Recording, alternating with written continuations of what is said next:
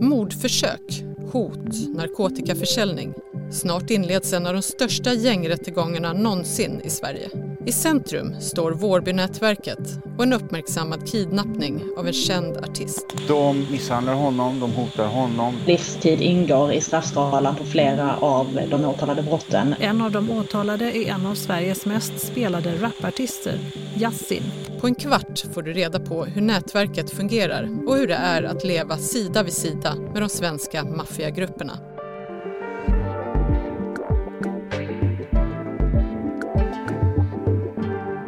Det är torsdag den 1 april. Jag heter Maria Jelmini och här är dagens story från Svenska Dagbladet. Ann Törnqvist har jobbat som krimreporter i snart tio år, bland annat på Svenska Dagbladet och har skrivit flera böcker om de svenska kriminella nätverken.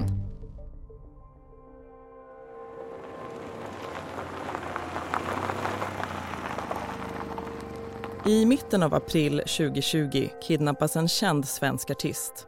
Han är ung och har gjort kometkarriär inom rapgenren. Gärningspersonernas metoder kan närmast beskrivas som tortyrliknande. Rappans mun tejpas för med silvertejp. Han tvingas ta på sig klänning och en kvinnoperuk. De hotar honom med pistol och skär honom med kniv. Sen rånas han. Och mitt i den här härvan står en annan känd svensk rappare, Yasin, som nu står åtalad för stämpling till människorov. Nyligen så väcktes ju åtal mot 30 personer med kopplingar till det så kallade Vårbynätverket för en rad brott. Men det som har uppmärksammats mest det är ju den här kidnappningen.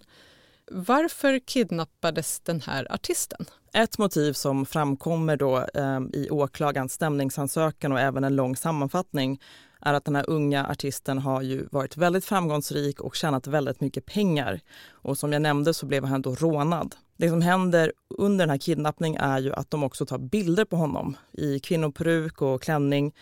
Och sen hotar de att sprida bilderna om han inte betalar 3 miljoner kronor. Den här kidnappningen var inte första försöket. Man hade planerat att, kidnappa honom tidigare. Precis, och det är här då den andra rapparen Yassins roll eh, framträder. För att ungefär två veckor tidigare så hade man en plan på att lura den här unga artisten till en musikstudio i centrala Stockholm av eh, olika skäl så ägde det inte rum. Man följer efter honom till förorterna och man tvingas då avblåsa för att man märker att det är väldigt mycket poliser i rörelse. Du kan inte vara i trakten min om du inte är härifrån 23-åriga Yasin är en av Sveriges största rapartister. Låtar som Trakten min och Ge upp igen, som han spelade in tillsammans med artisten Miriam Bryant, har spelats många miljoner gånger på Spotify. Jag inser att det finns mer till livet. Jag trodde livet var det jag såg. Musiken har varit en jättestor hjälp. På P3 Guldgalan i vintras röstade publiken fram honom till årets artist. Något som ledde till en intensiv debatt. Och folk är rasande, antingen för att han prisats eller för att han inte prisats tillräckligt. För Yasin har både avtjänat fängelsestraff för grovt vapenbrott, suttit häktad misstänkt för mord och haft kopplingar till ett av Sveriges enligt polisen mest våldsamma gäng, Shottaz. Nu är han åtalad för stämpling till människorov alternativt förberedelse till människorov, brott som han nekar till. Han är också uppvuxen i Rinkeby, där i då, eh, västra Stockholm, där det varit ett väldigt eh, långvarigt så kallat gängkrig det är liksom känt eh, att han har tillhört, eller i alla fall varit kopplad till den här gruppen som heter Shottaz. Och vad har Yassin då för koppling till Vårbynätverket tror man? Det man vet är ju att när Yassin var dömd och avtjänade sitt straff så satt han på samma anstalt som en av personerna som är väldigt verksam inom Vårbynätverket. Men det här åtalet som vi ser nu, det gäller ju inte bara den här kidnappningen och rånet av, av artisten. Vad handlar det om mer? Alltså det är en extremt lång lista med åtalspunkter. Det är synnerligen grovt narkotikabrott, synnerligen grovt vapenbrott. Man har, liksom, man har, man har alltså grävt ner automatkarbiner i en, vid en kolonilott. Och sen är det utpressning och även allmänfarlig ödeläggelse och det var för att man eh, placerade en bomb utanför en en bilfirma för att man hade en konflikt med ägaren till den här bilfirman. Den äldsta av de som är inblandade och åtalade, han bor numera i Madrid i Spanien han hade då en långvarig konflikt med en annan person. Det fanns en annan gängledare som också hade en långvarig konflikt med samma person. Som de, de går ihop och de ska mörda honom. Har kommit jättelångt i sina planer men sen av en händelse så det är inte de som stoppas. Det är faktiskt det tilltänkta dödsoffret som stoppas för att han grips av polisen för, eh, för vapenbrott. Så det här är några exempel fortfarande på de åtalspunkter som ingår i det här enorma åtalet. Vad, är, vad kan man säga om omfattningen? Alltså när man ser till antalet tilltalade personer så är det ju jättestort, 30 personer, ett av de mest omfattande som jag har sett. Jämför man med Södertäljenätverket som jag då skrev en bok om för ett par år sedan, då var det 17 personer som åtalades. Så det är ju nästan dubbelt så många den här gången. Vårbynätverket är en välstyrd organisation med gradsystem i militär stil och medlemsavgifter som går till vapeninköp. Gruppen har styrts av en tungt kriminell 32-åring som haft fyra kaptener till närmaste medarbetare och soldater lägst i hierarkin som utför grovgörat. Aftonbladet berättar om hur medlemmarna i gruppen ber ledaren om lov att utföra brott som att misshandla någon eller langa narkotika. Och det är ledaren som belönar eller bestraffar. Och eftersom de är så, här, så pass välorganiserade så kvalar man ju in i EUs beskrivning av, av maffia, alltså grov organiserad brottslighet. För det krävs ju att man verkligen planerar brott, att det inte bara är någonting man hittar på i stunden. Och sen en sak som är ganska anmärkningsvärt är att de har haft en medlemsavgift på 3 000 kronor i månaden. Och det kan ju liknas mest med en krigskassa för att man har då samlat ihop pengarna och köpt vapen för det här. Det som åklagaren verkligen har betonat nu när åtal väcktes är ju att man för en gångs skull har liksom kommit åt hela ledarskiktet. Det är ju förhållandevis lätt för polisen att komma åt de här de unga killarna som kallas för springpojkar och liksom säljer knark och transporterar vapen, gömmer vapen, hotar näringsidkare i sina närområden. 50 hade 21 frågor, jag har 100 Vem är det till att börja med och varför just jag? I got 99 problems som inte går att lösa på ett tag Kan det vara mitt sätt att vara? Min bakgrund? Är det för att jag rappar? Du har ju som sagt jobbat eh, länge som krimreporter och på flera dagstidningar eh, och du har också skrivit en bok om Södertäljenätverket. Finns det några likheter mellan de här grupperingarna som du ser? Främst är det ju storleken, eh, att det är väldigt många personer. Sen då att man mer eller mindre styr ett avgränsat geografiskt, geografiskt område, liksom sin egen ort så att säga. Sen har man ju, det är inte bara att man säljer knark, man har flera olika inkomstkällor. Ofta handlar det om att man utpressar lokala företagare. Man kräver dem på det som kallas beskydda pengar. Det blir ju paradoxalt för att om man ställer frågan, jaha okej, vem ska du skydda mig mot? De bara, mot mig. Så de skapar ju problemet som de löser så att säga. Det är också väldigt tydliga hierarkier i de här. Men precis, eh, nu pratar man ju om ledan ehm, och det kan liknas med till exempel ja, en verkställande direktör och så har man massa mellanchefer som kommunicerar order ner i, i kedjan då. Mellanchefer och vdarna är oerhört manipulativa och eh, till slut har man ju då det som man kanske mest förknippar med ordet gäng, alltså folk som syns på gatorna. När det gäller Vårbynätverket så har man ju till och med haft yrkestitlar så att eh, ledaren hette Ledan. Men sen så har han en handfull det som kallas kaptener mellan chefer. Och de ger då order till ett dussin kaptener i fält, att man liksom är ute och jobbar då. Och de här kaptenerna i fält håller ju koll på liksom de som är lägst i rang som då kallas för soldater. Och de är ofta yngre och nyare i, i det här? De är ju fortfarande unga nog att tycka att det här är lite coolt. Och sen så det är ju lätt att, att tjäna pengar. Men kanske viktigast är också att om man är minderårig och åker fast för ett brott så får man ju då en straffrabatt som då är väldigt, väldigt eh, kontroversiell nu och debatteras väldigt mycket i politiken. Så att man kan ju sälja in, gör det här åt mig för du kommer ändå få så kort straff, kanske till och med ingenting för du är så ung. Vad är det som gör att man söker sig till de här grupperna? Dels kan man känna sig sviken av samhället av olika skäl. Många pratar ju om, om rasism och um, har man en eller två föräldrar som är arbetslösa så är ju faktiskt det är en inkomst för hela familjen att, att tjäna lite cash på att uh, transportera vapen eller, eller sälja narkotika. Jag var på botten där en stund Det tog en stund för mig att komma upp igen Men hur får de här nätverken fäste i ett samhälle eller i ett område? Det som jag har märkt om och om igen är ju att om en företagare inte har till exempel tillräckligt med kreditvärdighet för att ta ett lån från banken så går man liksom till en, en släkting eller någon som är högt ansedd i liksom lokalområdet. Men problemet är ju att det finns ju ingen paper trail. Man kan inte säga men vi kom ju överens om den här räntesatsen.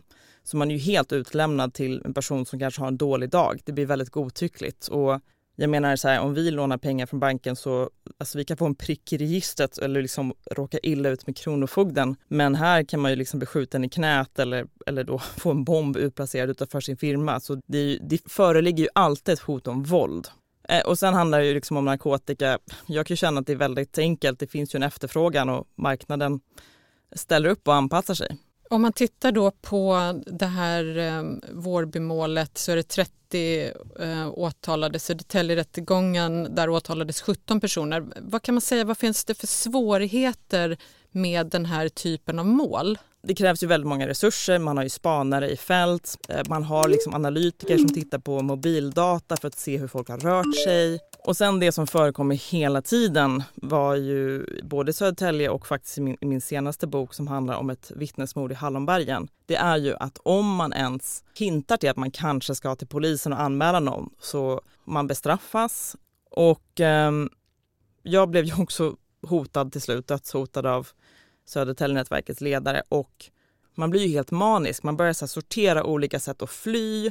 Du vet, jag hade en lista på polare utomlands som jag kunde flytta till om jag behövde. Och har man barn, som jag då i den här situationen lyckligtvis inte hade, så det är klart att man hellre betalar pengar än att flytta hela familjen någonstans. Och även om man flyttar så finns det ju ingen garanti för att man är säker där.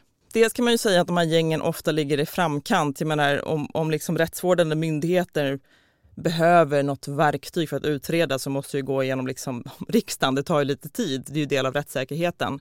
Gängen anpassar sig omedelbart och det var ju också därför de använde de här Encrochat-mobilerna. De så kallade Encrochat-telefonerna innehåller en krypterad kommunikationstjänst Egentligen handlar det om vanliga Android-telefoner men med två olika operativsystem. Ett öppet och ett säkert. Den bevisningen som vi har det är huvudsakligen Encrochattar då och sen så har vi kunnat koppla de här Encrochattarna till de eh, olika personerna i utredningen. Frågan är ju ifall den här bevisningen är tillåten. Det var under våren 2020 som fransk polis lyckades knäcka Encrochat och fick tillgång till användarnas konversationer. À propos de téléphone utilisant le moyen de communication sécurisé Encrochat. Polis i flera länder fick tillgång till materialet och en rad stora insatser har kunnat göras mot kriminella. It's part of the country's biggest ever crackdown on organized crime. They thought no one could listen in, but it turned out they were wrong. Fram till december hade 200 personer dömts eller häktats bara i Sverige baserat på bevisning från Encrochat. Och det är alltså eh, med hjälp av den appen som eh, man har kommunicerat bland annat då runt den här kidnappningen. Inte bara kidnappningen, alltså var man har fått vapen från. Det att man har sagt så här, men jag hämtar den då och här. Polisen har hittat vapen tack vare det. Man har också kunnat kartlägga vem som är i kontakt med vem. Det är inte så att alla i Vårbynätverket hade en telefon var. Man har liksom lånat ut den. Men man, det har ju de också kunnat då spåra. Många gånger så är det ju just gängledarna som hamnar i fokus. Eh, vad kan man säga om, om dem? Du har ju träffat eh, eh en av de tyngsta. Jag träffade ju gängledaren för Södertäljenätverket och han är ju väldigt, väldigt karismatisk och liksom väluppfostrad. Och en sak jag tänker på är den här förmågan att få folk, inklusive mig, att, att känna sig sedda. Liksom. Du vet, när man har hans uppmärksamhet då är det bara du som gäller. Men som jag nämnde tidigare så är de också manipulativa. Han var ju helt okej med att träffa mig när han snart skulle upp i, i hovrätten för att han upplevde ju att han hade en chans att bli frikänd. Han ville få ut sin sida av storyn i medierna men liksom bokresearch tar ju lite längre tid så han hann ju bli dömd igen och um, när jag bad om en uppföljningsintervju så fick jag ett extremt argt brev från anstalten Kumla. Du har ju mött många människor som personligen har drabbats av de här kriminella nätverken som lever i de här områdena där de finns men också har tvingats ha närmare kontakt än så. Vilken prägel sätter man på, på det område man, man verkar som ett, ett sånt här nätverk. Alltså det blir ju förödande för folk som bor där eftersom företagare som verkligen vill starta upp företag blir hotade och pressade på pengar så antingen ger de upp eller så har de liksom inte råd att fortsätta. Så de här, alltså centrumhandeln har ju försvunnit och, och då orkar folk inte röra, de vill ju inte röra sig där så känslan av otrygghet är enorm. Om man tar min bok om Södertäljenätverket där jag följer två småföretagare som pressades på pengar och både den här mannen och den här kvinnan, de fick ju diagnoser eh, efter rättegången att de hade posttraumatiskt stresssyndrom och har mått oerhört illa. Om vi tittar framåt då, vilket är nästa steg nu i det här Vårbymålet? Ja, nu kommer ju snart tingsrättsförhandlingarna börja. Det kommer ta jättemycket tid. Um, jag antar att faktiskt både så här, vittnen och anhöriga och folk som på något sätt då är offer för dem kommer hotas längs vägen för att det finns ju folk där ute som fortfarande är verksamma. Men det man också har sett då som jag nämnde tidigare är ju att mycket av det här Encrochat-materialet, liksom man ser ju kopplingar till andra brott som man liksom bygger vidare. Så vi kommer se fler åtal tror jag. Den här eh, artisten som kidnappades, eh, tror man att han kommer vittna? Han har ju sagt till polisen att han inte vill medverka. Han har ju till och med sagt att det inte var en kidnappning, att det var någon så ploj för att få lite reklam. Han måste ju vara helt vettskrämd. Och sist jag såg en intervju med hans eh, målsägarbeträde så var det också oklart om han ens kommer infinna sig i rätten. Tack Ann Törnqvist för att du kom hit. Tack för inbjudan.